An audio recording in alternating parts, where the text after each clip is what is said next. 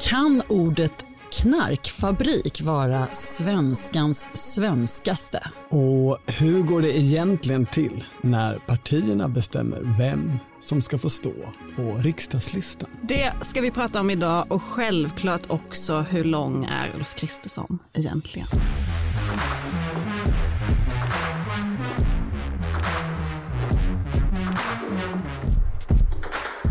Det här är Politiken med Annie Reuterskiöld, Maggie Strömberg och Torbjörn Nilsson. Läste ni Expressens avslöjande om knarkfabriken i veckan? Det gjorde jag. Ja, En journalist vars man hade odlat en planta cannabis i tvättstugan tror jag det var. Och eh, det blev en stor nyhet, antagligen för att de kunde koppla ihop henne med Sveriges Radio. Eftersom Sveriges Radio är lite i nyhetsflödet allmänt just nu. Exakt, hon hade ju skrivit mer för Expressen men Expressen-reporten hade kanske inte flugit nej, det hade varit svårare. sätt. Nej, men jag tyckte att det var väldigt kul det där med just knarkfabrik. Eller deprimerande, det beror på hur man ser det. Det säger så mycket om eh, svensk narkotikapolitik. Dels var det ju en planta i ett tält i en källare. En Eh, planta är liksom inte så mycket. Det är framförallt inte en fabrik. Nej. Eh, det, kan, det kan jag se. Och nu tror jag faktiskt också att de har ändrat till knarkodling. Ja. Vilket är, eh, Det är marginellt. en odling. En Exakt. krukväxt. Ja. Och det är marginellt bättre kanske. Eh, men det innehåller ju fortfarande det här ordet knark. Som de flesta svenskar liksom tror är någon slags neutral benämning av narkotika. Och är det inte en förkortning av narkotika? Nej, det är eh, ett, ett eh, ord som har kommit med hela den här eh, svenska debatten och har aldrig varit liksom, ett så neutralt ord utan det har alltid liksom, handlat om så här, knarkare, det har alltid varit eh, Vadå, det är ett skällsord. ett moralistiskt ord kan man väl säga. Vet man vem som har myntat det? Ja, och jag har glömt det nu. För Ja, men, men, boken. men, men du, menar att, du menar att det kommer i, i hela den liksom narkotikamotståndsrörelsen? Exakt, exakt. Vi kanske ska säga det förresten att det här är ju en podd från Svenska Dagbladet. Just det. Och det är du som pratar nu Annie och innan det så pratade Maggie. Och det är du som är så bra på att komma ihåg att vi ska presentera oss själva. Ja, jag Torbjörn. heter Torbjörn, precis. Fortsätt Men Annie. Annie, Ja. du är ju liksom eh, svensk journalistiks eh, narkotikaexpert. Du har skrivit väldigt mycket om det här ämnet. Eh, Ja, men jag och det är ju ett precis. ämne som liksom, det är som att det är alltid aktuellt. Det dyker upp hela tiden. Ja eller aldrig, alltså både och, alltid och aldrig. På 60, 70, 80-talen var det eh, en stor debatt eh, kring narkotikan. Sen så slumrade ju den in nästan helt. Men nu har den ju liksom bubblat upp igen med gängkriminalitet och i det sammanhanget på ett helt annat sätt. För ett år sedan så beslutade socialutskottet, det var ett ganska historiskt beslut eh, faktiskt, kan man sträcka sig till att säga, att vi ska utreda svensk narkotikapolitik. För det har inte gjorts på 30 år. Det står inte specifikt vad det är man ska utreda, utan man ska utreda allt. Svensk narkotikapolitik vilar ju på kriminaliseringen av eget bruk. Det är liksom allting kretsar ju kring det. Men just det här vill inte Socialdemokraterna utreda. Så det är lite speciellt. Men nu har inte ens den här utredningen satts igång än. Och det kan man ju anta har mycket att göra med pandemin. Men det har också att göra med att det verkligen inte är nummer ett på Socialdemokraternas eh, lista att genomföra. Så de har egentligen, har de blivit tvingade? Var det ett eh, tillkännagivande i socialutskottet eller var de med på det här? Nej precis, alltså det är ett eh, tillkännagivande och, eh, som fick majoritet i socialutskottet. Men Socialdemokraterna vill också titta på andra delar av narkotikapolitiken men absolut inte röra det här som är kriminaliseringen av eget bruk. Och där står ju Sverige ut. Den kom 1988 och sen senare kom en straffskärpning som gör att man också kan hamna i fängelse eh, bara av att eh, ha brukat narkotika. Men vilka partier är det som vill titta på det här med att avkriminalisera eget bruk? Ja, det är den oheliga alliansen Centerpartiet och Vänsterpartiet framför allt. Eh, och det, sen så Det liberal... är det som ska lägga grunden för deras gemensamma regering. Exakt, efter nästa det är där- val. Det är det, det är där Nooshi vi har Dadgostar, det är där hon har sin chans. Det var det hon menade i sitt utspel i Göteborgs-Posten den här veckan. Precis. Men Liberalerna vill också se det där, men det är liksom Centerpartiet och Vänsterpartiet som verkligen är, eh, pressar på så, så, så mycket som möjligt nu. Eh, och man skulle kunna tro att Miljöpartiet också gjorde det eftersom ute i Europa till exempel så är det alltid gröna partier som driver de här frågorna. Och alla gröna ministrar har ju erkänt eget bruk. Exakt. Det är faktiskt allihopa tror jag.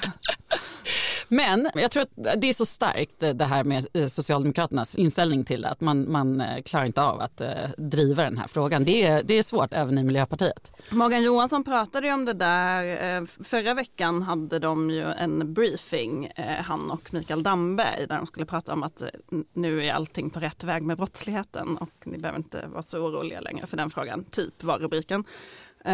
Och då pratade han ju om det där med avkriminalisering.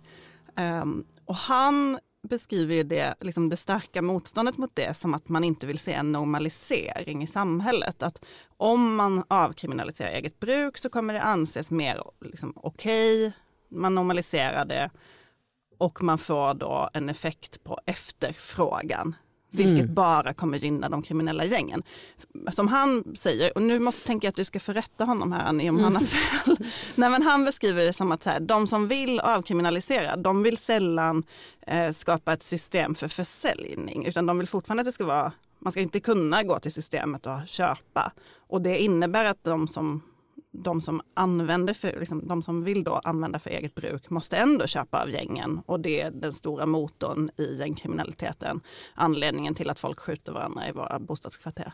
Ja, alltså kopplingen till gängkriminaliteten är ju lite vag eller vad man ska säga. Det är väldigt tydligt att gängkriminaliteten till stor del försörjer sig på försäljning av eh, cannabis och andra droger. Men hur en avkriminalisering eller en legalisering skulle påverka gängen finns i princip inte tillräckligt med forskningsunderlag för att någon ska kunna säga hur, hur det skulle påverka.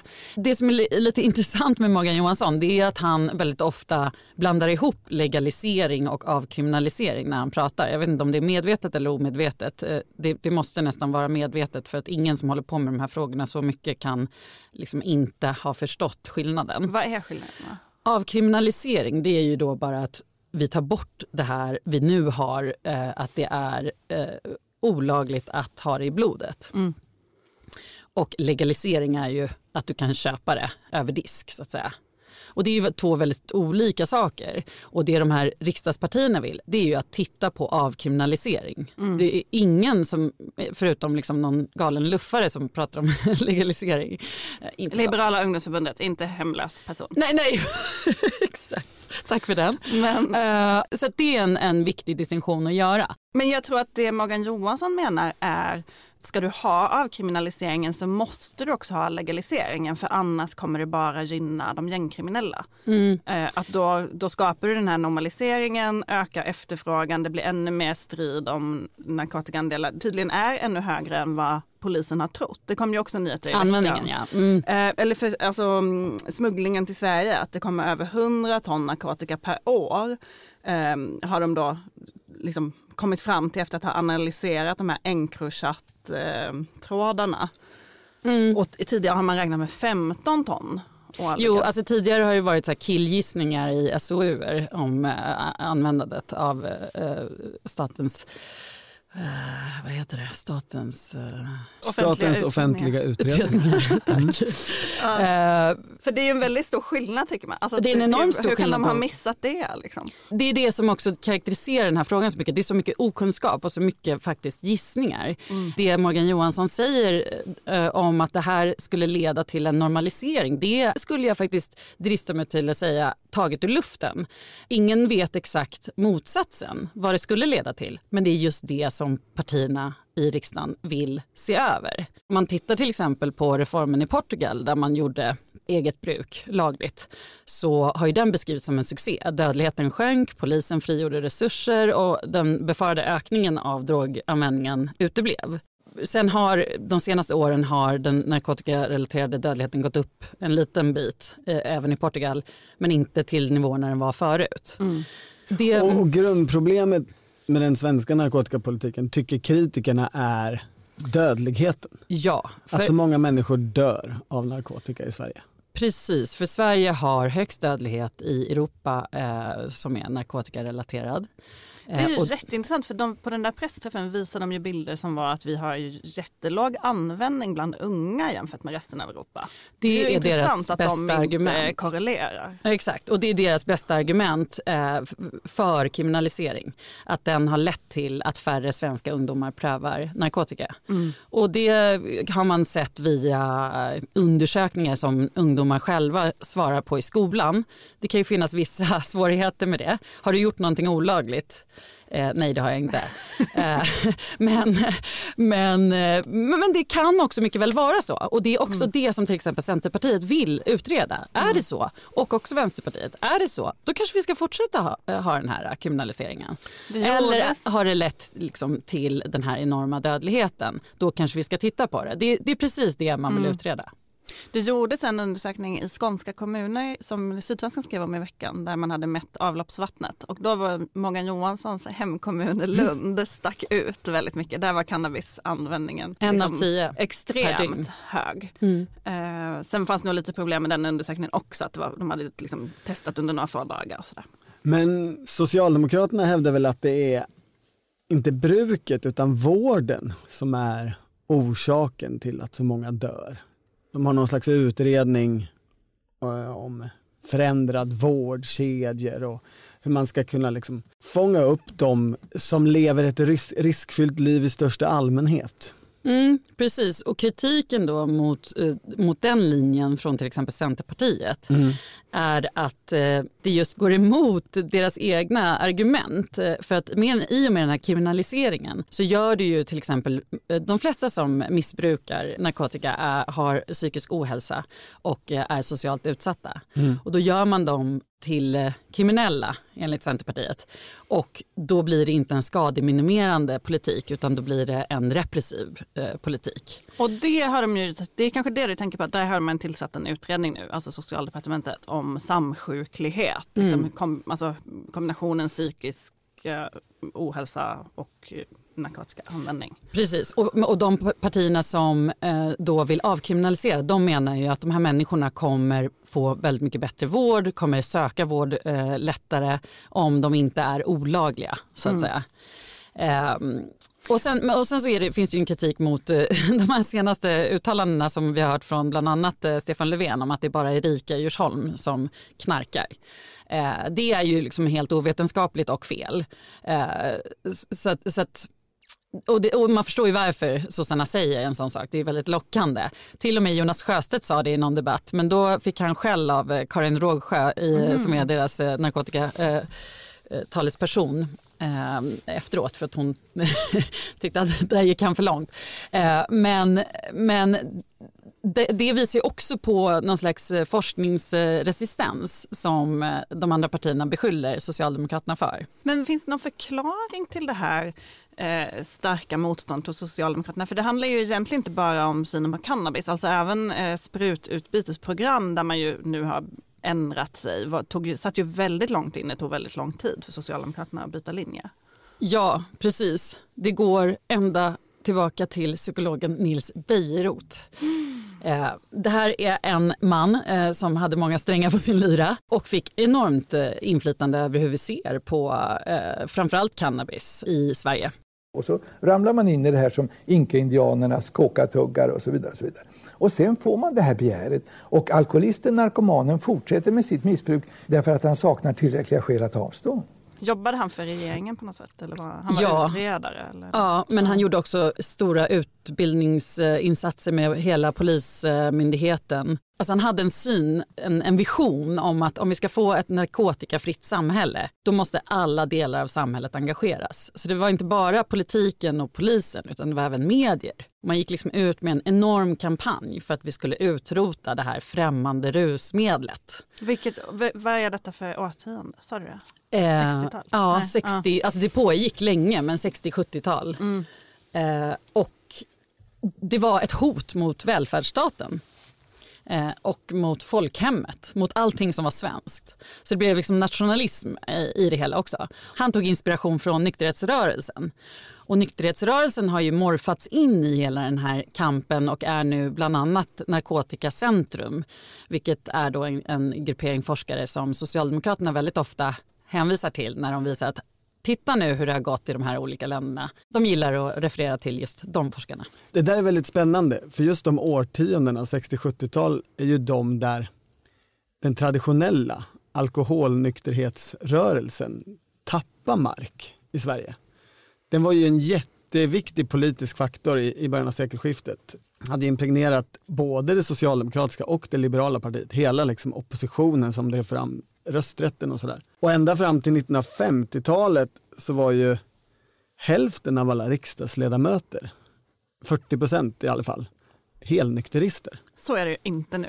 Nej, så är det inte nu, men det, det verkar ju också, det, det verkar ju sluta och istället så tar liksom narkotika nykteriströrelsen över samma engagemang och samma idé. Vi ska, vi ska nolla det här, vi ska inte ha det överhuvudtaget. Eh, hur hittar vi vägar fram för att utrota det ur samhället? Också nykterhetsrörelsen vill ju utrota alkoholen och hade ju rusdrycksfolkomröstning och lyckades driva fram det och, och kom ju rätt långt med det. Precis, IOGT, NTO, mm. är det då det bildas? Godtemplarlogen med ett vanligare namn. Jag tycker alltid att det låter som NKOTB, men det är någonting annat. New on the Block. ja, men okay. men steg för till... steg gick godtemplarrörelsen framåt, så kan man säga. Exakt. Det som nu är lite intressant efter pandemin där vi har hört lyssna på experterna in absurdum är att Socialdemokraterna absolut inte vill lyssna på experterna när det gäller narkotikapolitiken. Det här brukar jag tjata om. Men SKR, Folkhälsomyndigheten, vill utreda kriminaliseringen som det stora antalet forskare som är insatta i ämnet och även internationell forskning. Men sen så finns det de här på Narkotikacentrum då som inte vill, som, som eh, man hela tiden drar fram från socialdemokratiskt håll. Och det är faktiskt lite av ett mysterium varför man inte, varför man inte vill utreda. För många av partierna säger ju så här, okej okay, men vi är helt öppna för om, att om vi får ett annat svar, eller, liksom, eller inte ens ett annat svar, om vi, vi vill bara se vad, om det har funkat eller inte. Eh, men då menar man ju då som du sa Maggie att Nej men det skulle skicka en sån signal till folket att liksom det är okej okay att röka på mm. i princip.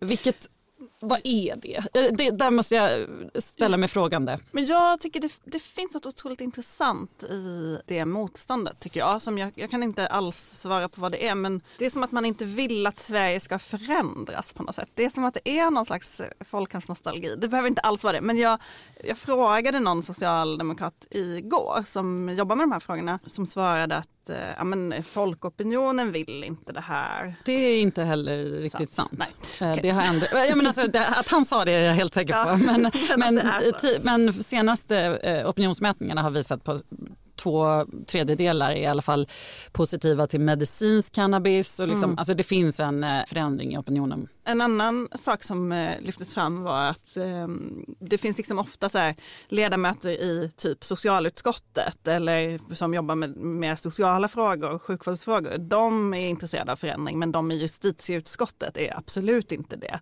De som vill vara tough on crime är inte det oavsett parti. Där tänker jag på en annan jämförelse med alkoholen alkoholen hanterades ju under lång tid av finansutskottet. Och under den här perioden när, när nykterhetsrörelsen var stark, särskilt i politiken, fram till 50 och 60-talet, så finns det ju liksom ett konstigt fascinerande samband mellan motstånd mot alkohol och finanspolitik.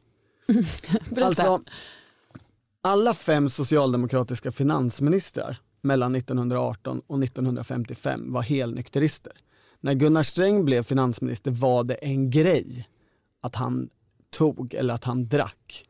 Att han inte var helnykterist. Det var så att säga ett dilemma. Hur kan vi låta en kille som dricker ta hand om statens pengar? Det existerade som, som liksom ett, ett moment att förhålla sig till. Och likadant var det i, i skatteutskottet. Gunnar Björk, en centerpartist, har, har berättat i en rätt ny bok hur de fick skit, han och den unge Olof Johansson, när de blev invalda i skatteutskottet på 70-talet för att de inte var nykterister. Vi kan ju inte hålla på och ha folk som, som dricker sig berusade här i skatteutskottet. Hur, skulle då, hur ska det då gå? Så det finns ju någon konstig koppling liksom till var Ja, men det, det förklarar mycket tycker jag ändå. Var, alltså... var, var hanteras de här frågorna? Mm. Jo, och också hur djupt det sitter i liksom den socialdemokratiska själen på något sätt. Ja men jag tänker det. Men... Vad tror ni, liksom 2040 första finansministern som röker en gås? Ja, fast det har vi faktiskt ju, visst erkände väl Anders Borg bruk? Att han har provat Att ja. han hade. In, Ja. Han erkände inte, inte att han gjorde det under finanskrisen när det var väldigt långa jobbiga dagar. Den det har han inte natten. sagt. Nej. Men det är ju inte egentligen bara i Socialdemokraterna det här sitter djup. Det är ju inte många riksdagsledamöter som driver frågan, eller hur? Det finns liksom ett fåtal. Ja, precis. Jag skrev en artikelserie eh, för något år sedan som hette Riksdagens sista tabu. Där bland annat då Hanif Bali från Moderaterna sa att det här är den sista politiska frågan som han faktiskt är lite rädd för att gå ut i. Och det säger ju ganska mycket. Från Liberalerna så har till exempel Barbro Westerholm eh, varit ute mycket i de här frågorna. Och eh, Centerpartiet har ju både Nils Porup Petersen, dansk, inte så konstigt kanske, Dansk Malmöit. Ja, precis. Anders W Jonsson eh, och eh, Johanna Jönsson. Så det är liksom ett aktivistgäng i Ja. olika partier. Ja, men lite så är det ju. Eller, fast oftast är det nästan en, en, en stark man. Eh, Karin Rågsjö eh, i Vänsterpartiet, Anders Skröder eller Schröder, ja, i Miljöpartiet. Men han är ju inte kvar eh, och han eh, tror jag att det eventuellt hade att göra med hans eh, starka engagemang i de här frågorna. Ingen Han i, petades på listan. typ. Ja. Ja. Eh, ingen i Sverigedemokraterna och ingen i S. Mm. men när jag skrev den här artikeln om eh, hur att, eh, att det här är faktiskt den sista frågan som, där folk faktiskt kan förlora jobbet genom att berätta en avvikande åsikt. Då eh, hade inte jag pratat med Nils eh, Porup Petersen. Eh, ibland blir det bara så att man inte hinner prata med alla. Och han har liksom uttryckt det i efterhand att så här, ja, men den var bra den där artikeln men lite överdriven. Men sen har han ändå varit så här, men det är ju svårt att prata om de här frågorna. Eh, så att jag ringde upp honom för jag ville höra eh, hans syn på det hela. Det var väldigt intressant. Då berättade han till exempel att eh, på en Malmöstämma, en centerstämma, eh, så hade han skrivit en motion eh, om att de skulle driva avkriminalisering. Den eh, gick igenom alla förberedande instanser, det var inga problem. Sydsvenskan skrev stort om det här på kvällen som kom ut nästa dag, där de intervjuar honom och han berättar allting. Distriktsordföranden då blir rasande, tokig. Det här kommer liksom sätta en flumstämpel på hela vårt parti, du förstör för hela vårt parti. Hon bok och det här berättar jag med hans Är det goda... Kristina Yngve? Nej, Nej, det, här- det här var en tidigare. är Distriktsordförande. Ja. Ja, men han ville inte att jag skulle säga namnet. Nej. Men, äh, men, ja, men, men eh, med hans goda minne berättar jag det här. Han tycker att det, det är okej. Hon bokar alltså ett konferensrum på den här stämman där alla får ställa sig i ring och berätta för honom hur kass han är för partiet och hur mycket han har förstört för partiet. Hur farlig den här idén är. Exakt. Jag menar, det är ju nästan sektbeteende på, på den. Jag vet inte om det pågår eh, jämt bakom lyckta dörrar i alla partier den här typen av händelser. Men det är i alla fall enligt honom hade aldrig hänt i någon annan fråga. Vad händer nu med narkotikadebatten då Annie? Allra närmast så är det en interpellationsdebatt eh, i riksdagen 28 maj. Men Centerpartiet och Vänsterpartiet är väl de som sätter störst press nu då på regeringen att de ska utreda även kriminaliseringen. Och det som händer är att riksdagen ska ta ett beslut i juni om ANDT-strategin som betyder alkohol, narkotika, dopning och tobaksstrategin. Det är ett slags inriktningsbeslut 2021 till 2025. Okay. Eh, kritiken där är ju att narkotikastrategin är i princip obefintlig då, enligt de- andra riksdagspartierna.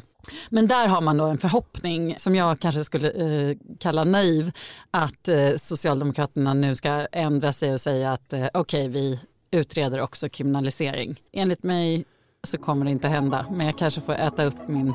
Men det är i alla fall ett tillfälle att bråka om Det är det. det så kallade sista tabut. En rätt intensiv vecka. En rätt intensiv vecka. En rätt intensiv vecka. Veckan. Ja men på Twitter har det varit intensivt efter att Moderaterna la upp en bild där Ulf Kristersson var längre än Ebba Busch. Som han inte är i verkligheten. Precis, alltså det var, folk trodde att Ebba Busch hade liksom hukat sig lite för att Ulf skulle få se lång ut. Just det, men Aftonbladet eh, ägnade sig åt lite granskande, grävande journalistik och eh, fick fram att det här var i riksdagens eh, rulltrappa va, som de stod. Yes, upp till kammarfoajén. Och att hon då stod på steget under Ulf. Varför blir det här en så stor grej då? Men det här faller ju in i en, eh, en debatt som har funnits rätt så mycket de senaste, det senaste året. Har just den här med längd på män och kvinnor. Där bland annat man har pratat mycket om gamla bilder på prinsessan Diana och prins Charles som var lika långa. Där hon på jättemånga bilder är liksom huvudet kortare än honom. Eh, Och det har ju att göra med, med manligt och kvinnligt. Det finns också någon som Med bild på rulltrappor. Sar- Sarkozy där han, eh, tror att, jag tror att det var Sarkozy, där han plötsligt var jättelång eh, och Carla Bruni är jättekort. Just det, men det de finns, som- på Ja. nätet finns det ju liksom hur Ja. många bilder som helst på män som står på olika pallar bredvid eh, kvinnliga intervjuare också. Ja, men just, och det gör man ju ofta i tv för att man ska vara ungefär lika långa för att det ser konstigt ut i bild annars. Men man brukar kanske inte göra det så mycket På stillbilder. På, på den här typen av bilder. Förra veckan pratade vi mycket om politikers kläder och utseende och hur skicklig till exempel Ebba Busch är på att använda bilder i kommunikation. Är, är det här liksom ett problem för Ulf Kristersson? är det det vi tänkt- kommer fram till? Jag har tänkt på det här innan att eh, Att han är på- kort alltså? Ja, nej men på den tiden när det var liksom, när de var fyra då fortfarande så var det Ulf, Annie, Ebba och Nyamko måste det ha varit då. Men nej, det hann de ju aldrig vara. Nej. Nej, det måste varit Björklund. Ja, liksom att, de, att kvinnorna alltid hade superhöga klackar på sig så att de blev liksom ännu längre än Ulf Kristersson. Han verkade väldigt obekymrad av detta. Han verkar inte ha så mycket problem med sin längd som enligt Wikipedia är 1,69 Jag är 1,69,5.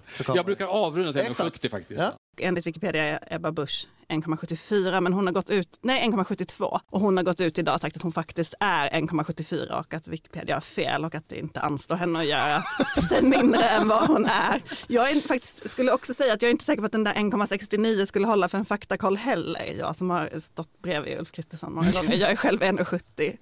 Ehm, Men är det inte alltid så att killar tycker ju alltid att de liksom är längre än när, när man är lika långa? jo, det har, ju, det har ju med självbild att göra. Ja. Kanske Absolut. båda, från båda håll. Ja, det Jag finns säger ingenting. Jag, jag Nej, för ni hade ju faktiskt ett sånt eh, litet tjafs i, när vi eh, förberedde den här podden, vem som var längst. Men vi hamnar ju eh, ibland på bild bredvid varandra och när man jobbar på tidning så händer det ju att de klipper in bild, liksom en gemensam byline där man är inklippt. Och då är det inte sällan som Torbjörn blir längre än mig trots att liksom, vi är lika långa. Men som alla ser så är ju jag lite längre. Till exempel Ehm, på bilden av den här podden va? om vi ska Ja, vara bilden av den här ärliga. podden är ju Torbjörn säkert en decimeter längre än jag. Men jag har valt att tänka att det är för att den här SvD-loggan ska få plats uppe i hörnet. Så att det, det. har ingenting med något annat att göra. Men, men även i andra liksom, tidningar så var det ofta. Och då är det klart, eh, den stackars redigeraren som sitter och klipper in våra bilder har väl aldrig träffat oss, eh, vet inte hur långa vi är. Eh, och då tänker man väl så här, ja men han, han är nog längre. Men just i det här fallet, om vi säger att det här var medvetet så kan det ha haft eh, motsatt effekt på opinionen eller de vi, vi som pratar ska... om Ulf Kristersson och pratar vi- Ebba Busch nu, inte om, inte om den här poddens profilbild. Det, Exakt. Då vet vi. Vi är tillbaka i Ulf Kristerssons längd. Han är ju även väldigt kort. Jag har till exempel hört från en källa att hans skrivbord på jobbet endast är sänkbart. Då kan det ju faktiskt ha haft motsatt effekt, i alla fall om man skulle fråga Tone Schunnesson, författaren. För jag såg att hon skrev på Twitter att eh, en kort eh, man som står avslappnad bredvid en mycket längre kvinna kan ligga. Alltså kommer jag inte rösta på Ulf Kristersson nu när man har liksom, att han hade någon slags sånt mindervärdeskomplex. Tone Schunnesson är ju eh, väldigt intresserad av att analysera Ulf Kristerssons utseende. Hon ju, hade ju också på, ehm, för några veckor sedan så la Moderaterna upp den här gamla bilden på när ehm, Ulf står på sitt kontor och kavlar upp skjortärmarna. Och då så undrade hon över den. Då var det med bildtexten nu samlar vi oppositionen för minskad invandring till Sverige och hon tolkade det som eh, liksom, en våldsam bild att han kavlade upp ärmarna för att han ville Slåss, Slåss. typ eller? Ja, Jag såg det faktiskt, men jag känner så här, de otaliga fotograferingar med politiker man har varit på så, så måste jag ändå göra en mythbuster här. Alltså, det finns typ tre grejer som folk kan göra med händerna för att det inte ska se jättestelt ut. Och jag vet inte hur många gånger jag har hört en fotograf bakom mig säga, tror du att du skulle kunna, eh, bara, om du tar eh, på skjortkragen lite sådär bara, alltså, eh, eh, Ja, dra lite i slipsen. Dra lite i slipsen eh, och kavla upp eh, skjortärmarna. Alltså jag har svårt att... De där Men- bilderna är också gamla och användes ju väldigt mycket när han var ny som partiledare. Jag tror det var bland de första de tog på honom. Och jag tolkade det mer i en kontext där de försökte sexualisera Ulf Kristersson. Där det var väldigt mycket att han skulle liksom pilla på sina kläder, se ut som att han klädde av sig. Vad han än gör så blir han Eh, sexualiserad. Men så Ja, men det var ju var ju också förra då- valrörelsen. Alltså, Ja. Om man tittar på Moderaternas valanalys så tror jag att det är där de konstaterar att inget av deras sakutspel fick något fäste hos väljarna. Väljarna mindes inte något av det de sa i valrörelsen. Och det hänger ihop med att den valkampanj som Moderaterna bedrev var ju en personvalskampanj för Ulf Kristersson. För Ulf Kristerssons vader, det var ju bara Det var, hans, det, var, det var hans vader, det var hans förmåga att göra trampolinhopp, hans förmåga att springa mycket, eh, hans vilja, hans frenesi. Ni vet den här Men filmen med familjen där han bara tänkte på politik och kunde liksom, han var så full av energi och ändra det här landet. Och frågan blir ju, kommer man ha, vad ska de sälja honom som den här gången? Ska de sälja honom som den trygga korta killen som kan stå bredvid Ebba Busch utan att ha mindervärdeskomplex? Ja, Hur bildsätter man det? fall- Är det så här man bildsätter det? Han skulle ju enligt Wikipedia bli den kortaste statsminister vi har haft. Palme var 1,75. Eh, Det fanns inte information om Per Albin Hansson i och för sig. Men han var i alla fall bred. Han, stor var Ja. Men det man kan kanske ge som ett ti- tips till partierna, det kanske är att inte återanvända bilder med samma frekvens. För det blev ju också ett problem när de använde den här jaktbilden, Moderaterna, 2015 när man skulle vara liksom eh, Håll eh, gränsen. Exakt. Och så står Och så med jaktkläder. Mm. jaktkläder i skogen. Ja. Nja. Och jag tror faktiskt att det inte hade någon djupare tanke bakom. Jag tror bara att ah, här är en snygg bild eh, på Ulf där han ser lite härlig ut i skogen. Vi tar Eh, den. Vi tar den. Jag tror att det är dags att tänka längre i bildvalen för partierna. nej, Inte nej. kortare. Nej, nej, nej, nej. Så går det inte till. Välkommen till verkligheten. Det är nomineringstider nu. I partierna. Ja. Mm. Det är egentligen mitt favorit, min favoritprocess i politiken. För då blir de som mest hysteriska. Ja. Det pågår ju i ett halvår det här. Primärvalet är det ju egentligen, men, men folk har ju inte fattat att vi har primärval i Sverige eftersom de bara sker inom partiernas skyddade hägn och det är ganska underbevakat eller obevakat av, av medier, de här processerna. Men det är, eh, det är mycket som händer just där, eller hur? Ja, alltså det handlar ju helt enkelt om vilka ska stå på riksdagslistan.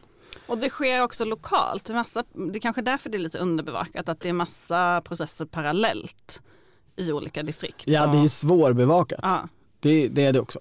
Det är ju heller inte offentligt vilka som står på dem, alltså hur de står på listan. Nej, partierna kan ju hela tiden säga att det här är en intern demokratisk process som vi gör i vår förening.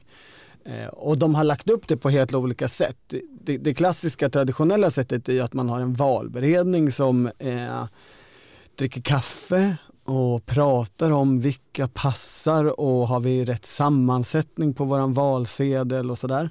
Och det är ju fortfarande det grundläggande i flera partier. I Socialdemokraterna, Centerpartiet, Kristdemokraterna har ju fortfarande den liksom modellen som, som grund. Medan Liberalerna, Miljöpartiet och Moderaterna har mycket mer av direkt medlemsdemokrati eller medlemspåverkande processer. Alltså att man har provval eller medlemsomröstningar som antingen är rådgivande eller direkt beslutande på olika sätt och på krångliga olika sätt. Men det finns alltid sätt att peta någon ändå ju. Eh, absolut. Så myglandet är konstant. Ja men det är väl typ, politiker fuskar väl aldrig så mycket som i de här processerna och möjligen i sina ungdomsförbund. typ. Men det, den här nidbilden av politiker den känns ju lite mer sann när man läser om typ Moderaterna 2010. Verkligen. Där man då, det kom en massa nya medlemmar plötsligt, ingen vet om de har betalt, liksom, vem är det som har betalt deras medlemsavgift. Otippade personer hamnar på listorna. Ja, det, så, det, det är ofta, Falska rykten om graviditet Eh, eh, som har spridit sig ut i... Ja. Och vi kan inte sätta den här kvinnan på listan för hon är ju gravid och kommer ju vara borta. Och sådana saker. Nomineringstider det halvåret, det är ju det som är orsak till att alla politiker i sina biografier och memoarer skriver de värsta fienderna har man alltid i sitt eget parti. Det är liksom det de minns. Jag såg ett citat här från Fredrik Reinfeldt när, när det var den där historien om Moderaterna 2010 för då blev ju folk polisanmälda och det var massa eh, tjafs. Då sa han, det är nomineringstider i politiska partier. 25 års erfarenhet har lärt mig att det är tider av rykten och påståenden som ibland har det visat sig kan stämma. alltså, jag, jag har inte hunnit skaffa någon bra insikt om det som pågår nu. Eh, men, men förra... Men du tar gärna emot tips. Ja det gör jag. Förra nomineringstiden, alltså 2017, det, så hände det en hel del roliga saker. Till exempel så Eskil Erlandsson, centerpartist som har suttit för Kronoberg vid den tidpunkten i 23 år, petades av valberedningen. Men sen kom det ett provval, för då har man infört det i Centerpartiet där. Och då blev han etta i provvalet. Hade så då tryckte han sig in på listan ändå och det kan man väl säga i efterhand att hade valberedningen fått bestämma så hade det kanske blivit enklare för Centerpartiet. Och för Eskil Erlandsson. Under metoo. Ja. Då hade han varit borta från riksdagen. Det var väl också det året då Alice Bakunke fick, eh, kom högre i provvalet än vad Gustav Fridolin gjorde. Vilket alltid är genant för en ja. partiledare. Um, det har ju också hänt Jan Björklund med Birgitta Olsson. Men ja, då, då sa Gustaf Fridolin att ja, men hon får stå före mig på listan i Stockholms län. Men det sa inte Jan Björklund? Det sa inte Jan Björklund. Framförallt när det hände, det var ju 2013, att Birgitta Olsson fick fler röster i provval än, än Jan Björklund. Så var ju det katalysatorn till hela hennes partiledarkampanj. Sen var ju hennes problem att när hon gick fram med den kampanjen ordentligt 2017 så hade ju de där provvalsresultaten blivit omvända. Då hade Jan Björklund ett bättre resultat än, än henne. Så även om de här provvalen och medlemsomröstningarna är lite si och så ibland och det är lite si och så med demokratin och deltagarantalet och sånt där i dem så har de ju betydelse och kan ha mycket betydelse. Absolut. I, eh, vad gäller cannabisfrågan som vi precis har eh, pratat om mm. så är det ju eh, många som har blivit petade just i eh, provvalen eller nomineringstider. Och det har ehm, inget alls med deras åsikter om, om narkotika att göra? Inte enligt partiledningarna, nej. Eh, men Anders Schröder från Miljöpartiet eh, har sagt att han tror att det absolut hade med det att göra. Daniel Somos, en gammal moderat som skrev en debattartikel om skulle vi kunna tänka oss att sälja cannabis på Systembolaget? Han fick ingen valbar plats på nästa eh, lista och även Kristina Örnebjär som var eh, talesperson för Liberalerna i de här frågorna. Hon sa också till mig i den här intervjun jag gjorde att eh, ja, jag hamnade inte på valbar plats eh, nästa gång. Men hon sa också att jag var också jobbig på många sätt. Men det finns ju också mycket paranoia kring det där. Alltså, vi är ju nu i den tid då politikerna är som mest liksom, paranoida mm. och förslagna. En sak som jag tänker inför den här processen, det här året, det är den här enorma kulturskillnaden mellan Moderaterna och Sverigedemokraterna som finns i synen på detta. Moderaterna har ju eh, ett fascinerande komplicerat system där man får eh, poäng i provval. Många har ju eh, inte senaste året, men tidigare varit så fascinerade över Hanif Bali och varför Ulf Kristersson som vill ha vuxna i rummet politiker inte har tagit honom i örat tillräckligt mycket och sådär. Och en, en avgörande förklaring är nog att Hanif Bali är så framgångsrik i nomineringstider i de här provvalsprocesserna. Han stod sjua tror jag på listan i Stockholms län men var obestridlig etta 2017 i provvalsprocessen. Han fick 2709 poäng. Det var 400 poäng för tvåan som är Karin Enström som sitter i konstitutionsutskottet nu för tiden och ännu fler än vad Ulf Kristersson fick som ju stod på samma lista. Och faktiskt dubbelt så många som Stockholms läns ordförande, Kjell Jansson. Och i Moderaterna så är ju den där provvalsprocessen, förmågan att, att vinna föreningar, myglandet kring det så starkt och så institutionaliserat. Det är nästan alltid, om det är några liksom journalistiska granskningar av det här så är det nästan alltid Moderaterna som får problem. För att det är anklagelser om, om fusk eller om mobbningstendenser eller fula metoder. Så och var det ju förra valet också. Då gjorde Mm. ju vår kollega Klas Lönegård en stor granskning av flera olika distrikt där det var så här. Men alla var moderata. Alla var Mm. moderata. I vissa var det väl till och med så att man la ner provvalen för att det hade varit så mycket fusk. Men, Mm. Och då fick man istället kritik för att det är en liten klick som bestämmer. Ja och Sverigedemokraterna är ju fullständigt tvärtom. Där är det en liten klick som bestämmer. Alltså, där är det en liten klick som bestämmer på ett sätt som är helt obeskrivligt i jämförelse. Förra gången då så sparkade ju de 40% av sin riksdagsgrupp på ett bräde. Kent Ekeroth var ju den stora saken då, men de sparkade ju också sin före detta partiledare Mikael Jansson och de sparkade sin vice ordförande, alltså sparkade i meningen petade från riksdagslistan. Och det allra mest fascinerande är att i, i svensk demokrati så, så är ju idén om representation, geografisk representation, jättestark. Så det är därför de här processerna sker lokalt för att eh, det är liksom från en lokal eh, avdelning eller ett, eh, ett område i Sverige som man ska skicka en, en riksdagsledamot som ska representera Kronoberg, Jämtland eller vad ni vill. Men i Sverigedemokraterna så har de ju en enda lista för hela landet. Men det är ju, alla är skåningar, vad ska man göra? Alla är faktiskt inte skåningar längre. Nu blir Henrik Winge som är gruppledare ledsen. Men det är ju en enda lista som Jimmy Åkesson och Henrik Winge och två personer till har bestämt. Och det fungerar alldeles utmärkt. Det är aldrig någon liksom kritik som fäster på det. Det tycks fungera. Men det är fullständigt olika kulturer som krockar här. Där Moderaterna då får kanske dras med en sån som Hanif Bali för att han är så framgångsrik i provvalet och acceptera att så ser vår riksdagsgrupp ut, så ser vårt riksdagsarbete ut. Medan Sverigedemokraterna kommer med ja men uteslut eller peta i alla element som ni inte tycker om.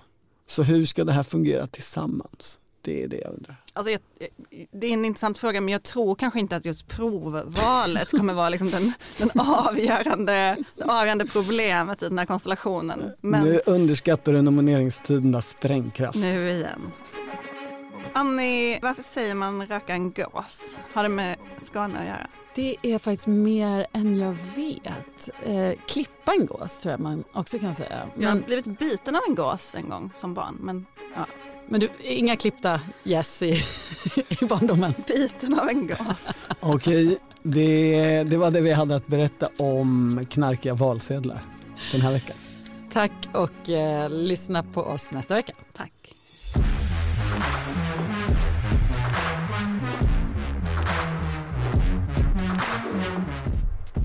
Du har lyssnat på Politiken, en podd från Svenska Dagbladet. Ansvarig utgivare är jag, Anna Kareborg.